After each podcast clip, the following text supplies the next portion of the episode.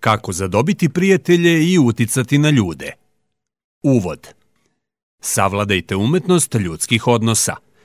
Kako pridobiti prijatelje i uticati na ljude je u štampi od 1936. godine, a knjiga je i danas neverovatno aktuelna. U ostalom, ko ne želi da lakše sklapa prijateljstva – Svi bismo mogli da se potrudimo da poboljšamo svoje odnose i komunikacijske veštine i to je tema poglavlja koja su pred nama. Otkrićete jednostavne, konkretne tehnike koje će vam pomoći da dobijete ono što želite u bilo kojoj društvenoj situaciji – Knjiga je vrhunski vodič za slaganje sa ljudima i uživanje u srećnim i plodnim odnosima. Kombinujući anegdote sa praktičnim savetima, oni su puni saveta koji su već obogatili živote miliona. Naučit ćete zašto nikada ne bi trebalo da kritikujete druge, šta nas Al Capone može naučiti o liderstvu i šta nas psi mogu naučiti o sklapanju prijateljstava. Poglavlje 1.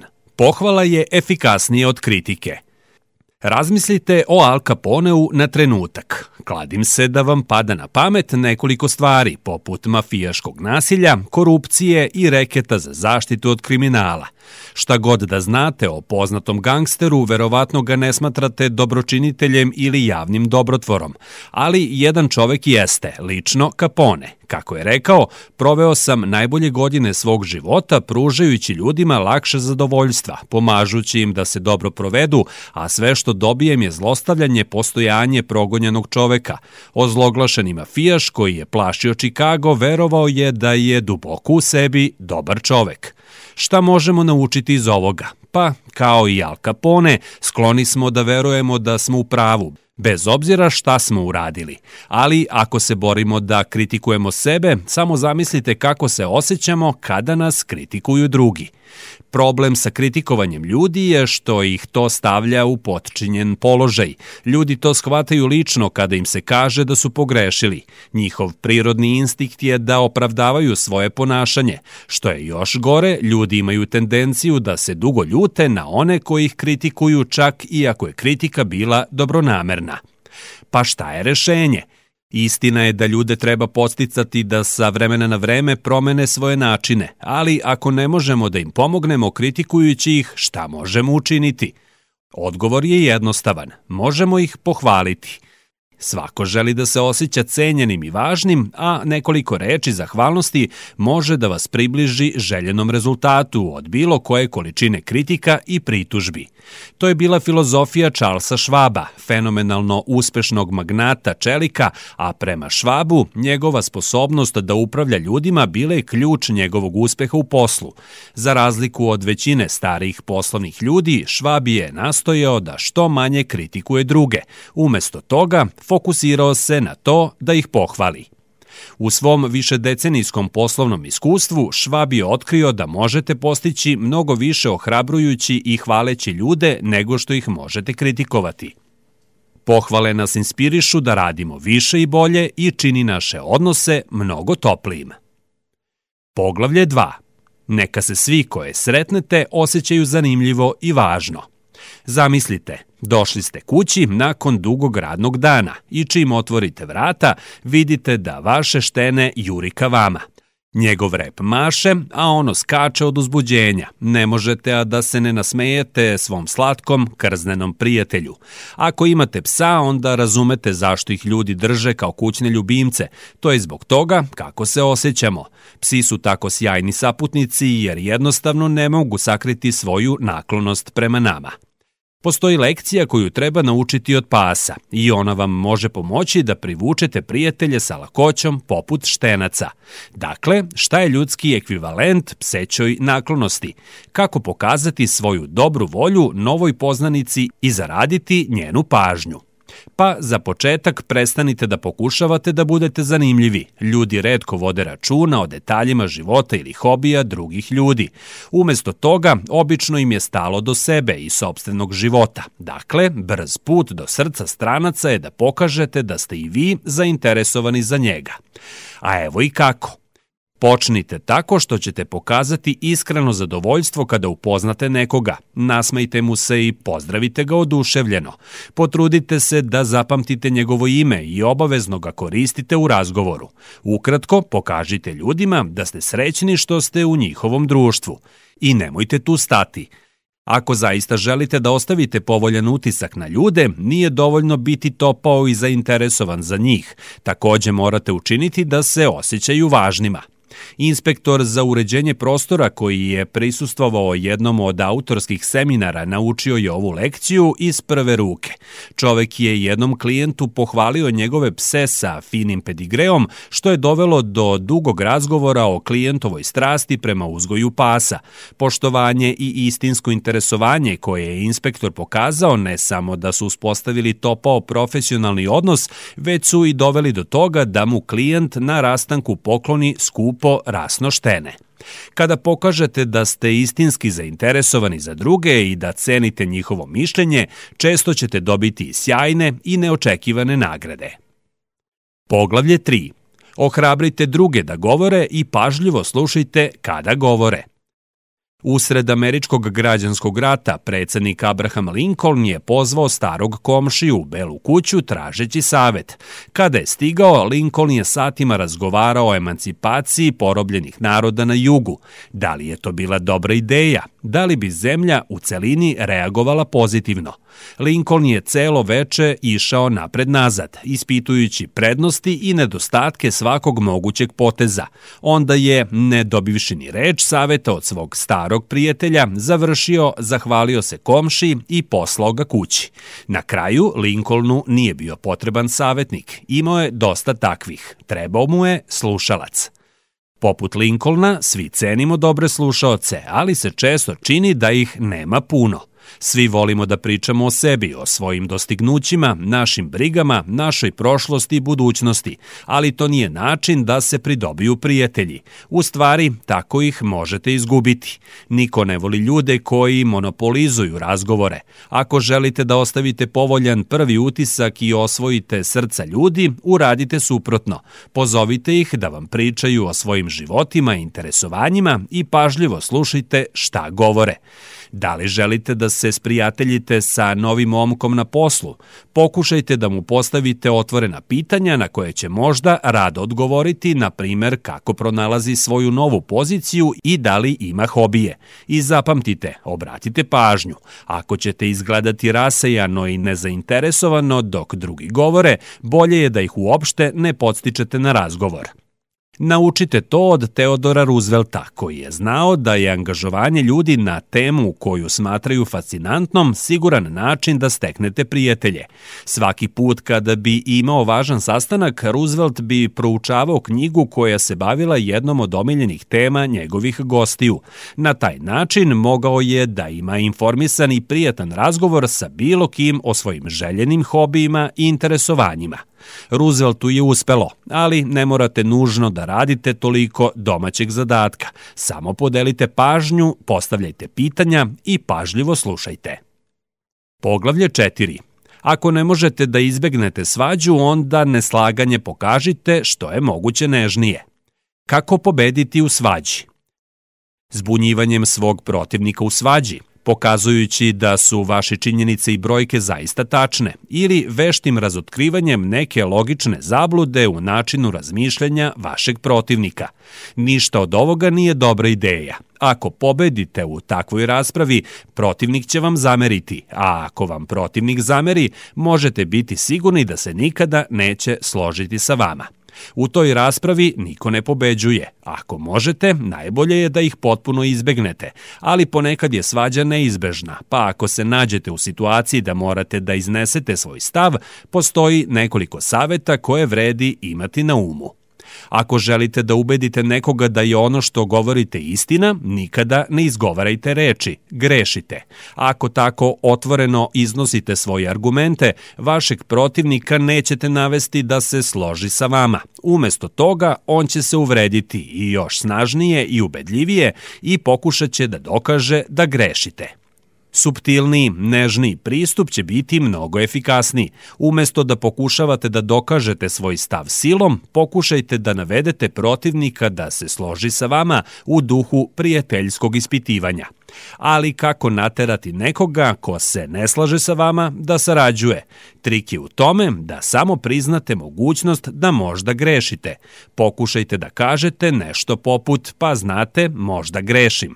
Hajde da pogledamo činjenice. Ovo je često dovoljno da se razoruža tvrdoglavi protivnik a ako se u stvari pokaže i da zaista niste u pravu, mirno prihvatite poraz i pokušajte da prvi priznate svoje greške. Priznavanje svojih grešaka često dovodi do toga da drugi zauzmu mekši stav. Sa druge strane, ako se pokaže da ste u pravu, nemojte se radovati. Malo je verovatno da će vaš protivnik usvojiti novo mišljenje ako se osjeća poniženim. Poglavlje 6. Naterajte druge da se slože sa vama na samom početku, a zatim ih suptilno dovedite do svojih zaključaka. Sokrat, starogrčki filozof, razumeo je finu umetnost ubeđivanja, postavljajući prava pitanja na pravi način. Ubeđivao je ljude da potvrde stvari u koje nikada ranije nisu verovali. Kako je to uradio? Pa pobrinuo se da ih dovede u afirmativno stanje uma – To znači da im je stekao naviku da kažu da. I kako je to uradio? Prvo je započeo svoje razgovore iznošenjem tvrdnji sa kojima bi se svi mogli složiti. Zatim je malo po malo prebacio razgovore na sumnjivu teoriju, a stavljajući u prvi plan tačke oko kojih su se svi mogli složiti, učinio je da njegova publika više prihvati sporne argumente koji su usledili. Dakle, šta možemo naučiti od Sokrata? Sokratov stil ubeđivanja vredi imitirati. Ako možete da naterate ljude da klimaju glavom od početka, na pola ste puta da ih ubedite da ste u pravu ali kada neko odbaci neku vašu tačku, postaje veoma teško promeniti mišljenje. Ljudi obično vrlo emotivno reaguju u situaciji kada treba da brane mišljenje koje su javno izneli. Na kraju krajeva, njihova reputacija inteligencije i dobrog rasuđivanja je na kocki. Iz istog razloga, ljudi više vole ideje koje sami smisle nego ideje drugih ljudi. Unapređenje sobstvenih ideja daje nam osjećaj nezavisnosti. Prihvatanje onih drugih ponekad može izgledati kao primanje naređenja. Dakle, šta možete da uradite sa ovim informacijama? Pa, umesto da pokušavate da ubedite druge da su vaše ideje ispravne, možete im pomoći da sami dođu do tih ideja, dovodeći ljude u afirmativno stanje uma i postavljajući pitanja koje ih guraju u pravom smeru, često možete pomoći drugima da sami dođu do vaših zaključaka – To je bila strategija koju je pukovnik Edward M. House koristio kada je Woodrow Wilson bio predsednik. Umesto da Wilsonu daje eksplicitne savete, pukovnik bi vrlo ležerno spomenuo svoj predlog u razgovoru. Vremenom bi teme koje je zasadio pukovnik House spustile korene u Wilsonovom umu, toliko da je često mislio da je plan u potpunosti njegov. Da li ga je House ispravio? Naravno da ne shvatio je da ljudi više vole svoje ideje nego tuđe. Poglavlje 6. Pokušajte da razumete stavove drugih ljudi. Jay Mangum je bio u teškoj situaciji. Predstavljao je kompaniju za održavanje liftova i morao je da zakaže neke popravke u hotelu. Jay je znao da će posao trajati ceo dan, ali menadžer hotela nije želeo da zatvori lift duže od dva sata. Pa šta je Jay uradio? Da li je rekao da je popravke nemoguće požuriti? Ne, Odvojio je minut da sagleda stvari iz ugla menadžera. Jay mu je dao do znanja da razume njegovu želju da gosti budu zadovoljni, ali istakao je ako popravke ne krenu uskoro, liftu će biti potrebno mnogo duže popravke. Nije iznenađujuće da je menadžer pristao na osmočasovno gašenje. Jay je uspeo da ubedi menadžera da pusti popravke jer je razumeo njegovu pravu zabrinutost. Jay je znao da je menadžer više od svega želao da ugodi svojim gostima. Prepoznavši to, uspeo je da objasni upravniku da bi odlaganje popravke za njih bilo daleko nezgodnije na duži rok. Pokušaj da se stvari sagledaju iz tuđe perspektive uvek je od koristi. Ne samo da može pomoći u rešavanju nezgodne situacije kao što je Jay, već može da pridobije naklonost i odobrovoljiti ljude. Vidite, većina ljudi ceni saosjećanje, Kada tenzije porastu, saosećajna fraza je često sve što je potrebno da se stvari ponovo isprave. Ponekad ozlojeđena mušterija ili uznemireni prijatelj treba da čuju samo reči. Potpuno razumemo dakle dolazite. U vašoj situaciji ja bih se osjećao potpuno isto. U stvari, saosećanje sa drugima ne samo da čini da se oni osjećaju dobro, ono vam takođe može pomoći da upravljate frustracijom i nestrpljenjem. Razumevanjem faktora koji teraju ljude da se ponašaju onako kako se ponašaju, možete postati tolerantni prema svemu onome što vas je nekada iritiralo ili uznemiravalo. Sledeći put kada vas nečije ponašanje uznemiri, zastanite na minut i pokušajte da sagledate stvari iz ugla druge osobe. Zašto vaš kolega možda zabušava? Postoji li nešto ljubazno ili sa razumevanjem što biste mogli da učinite da mu pomognete da se vrati na pravi put? Pokazati simpatije nije uvek lako, ali za vas i drugu osobu to je obično bolje nego da se ljutite. Poglavlje 7. Postavite lestvicu visoko i ljudi će nastojati da je ispune. Ruth Hopkins, učiteljica četvrtog razreda iz Bruklina u Njujorku, dobila je iznenađenje prvog dana škole. Dobila je novo odeljenje za ovu godinu i shvatila je da je Tommy, najveći smutljivac u školi, sada među njenim učenicima. Iako je bio pametan, Tommy je bio veoma neposlušan. Njegov prethodni učitelj se žalio na njega svaki dan. Kako da se Rut postavi prema takvom učeniku, kako da ga obuzda. Srećom, imala je plan. Prvog dana Rut je obišla razred i pohvalila svakog učenika. Kada je stigla do Tomija, Rut ga je pogledala i rekla mu da je čula da je rođeni vođa. Rekla je da zavisi od njega da bi njen razred bio najbolji od svih učenika četvrtog razreda te godine. Sa takvom reputacijom koju je trebalo da zadovolji, Tomijevo ponašanje se brzo poboljšalo. Mi ljudi volimo pohvale, a mrzimo da razočaramo ljude koji veruju u nas.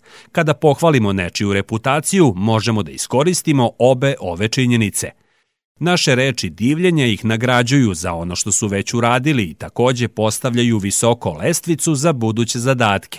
Drugim rečima, ako želite da neko razvije određenu karakteristiku, govorite o njemu kao da je već poseduje.